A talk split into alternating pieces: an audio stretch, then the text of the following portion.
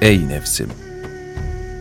Bil ki tam, kamil insanın, tamamlığa, kemalata ermenin yolunu arayan insanın, öncelikle arzularını ve lezzetlerini belli bir kanun dairesinde tatmin etmesi, bu hususta itidal çizgisini izlemesi, aşırılıktan, ifrattan kaçınması gerekir.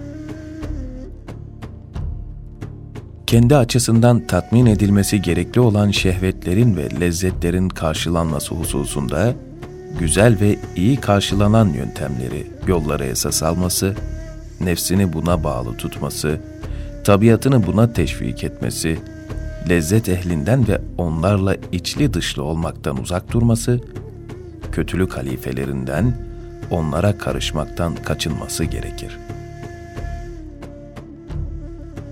Nefsine, şehvetin ölümcül darbeyi kendisine indirecek kadar yakın bir düşman ve kavgayı asla bırakmayan, sonuna kadar zarar ve eziyet etmeyi amaçlayan bir hasım olduğunu hissettirmesi, şehveti düşman bilip karşısına dikilmesi, kibrini kırması, boyun eğdirmesi, belli bir tertip halinde fevriliğini dinginleştirmesi gerekir.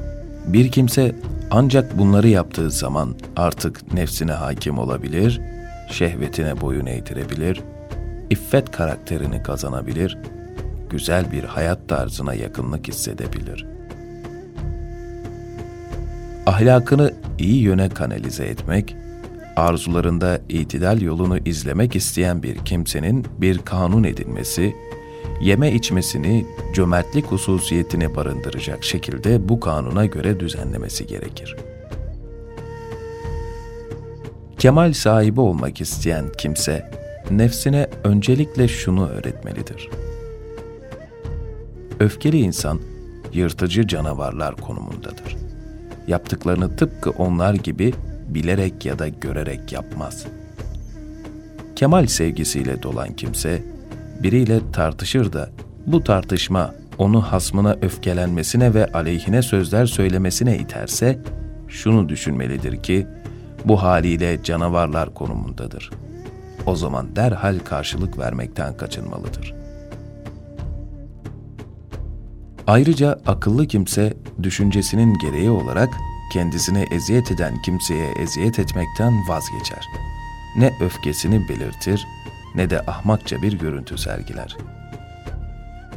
Kemal derecesine ulaşmak isteyen kimse, nefsini bütün insanları sevmeye, muhabbet beslemeye alıştırmalıdır. Onlara acımayı, şefkat ve merhamet göstermeyi nefsine öğütlemelidir. Faziletlerle donanmaya can atmalıdır. Kendisini güzelliklerle ahlaklanmaya mecbur bırakmalıdır. İyi bir meziyetin ancak en üst mertebesine razı olmalı ve bu noktaya ulaşıncaya kadar durmamalıdır.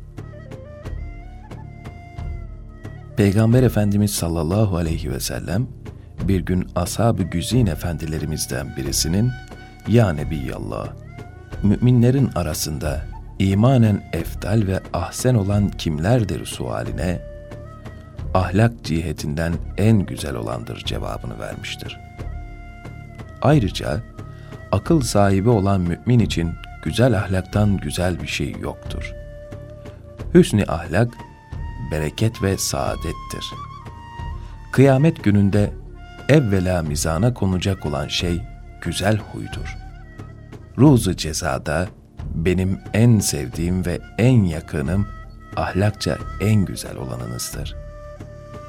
Fena ahlak bir töhmet ve bir kabahattir ki asla af ve mağfiret kabul etmez buyurmuşlardır.''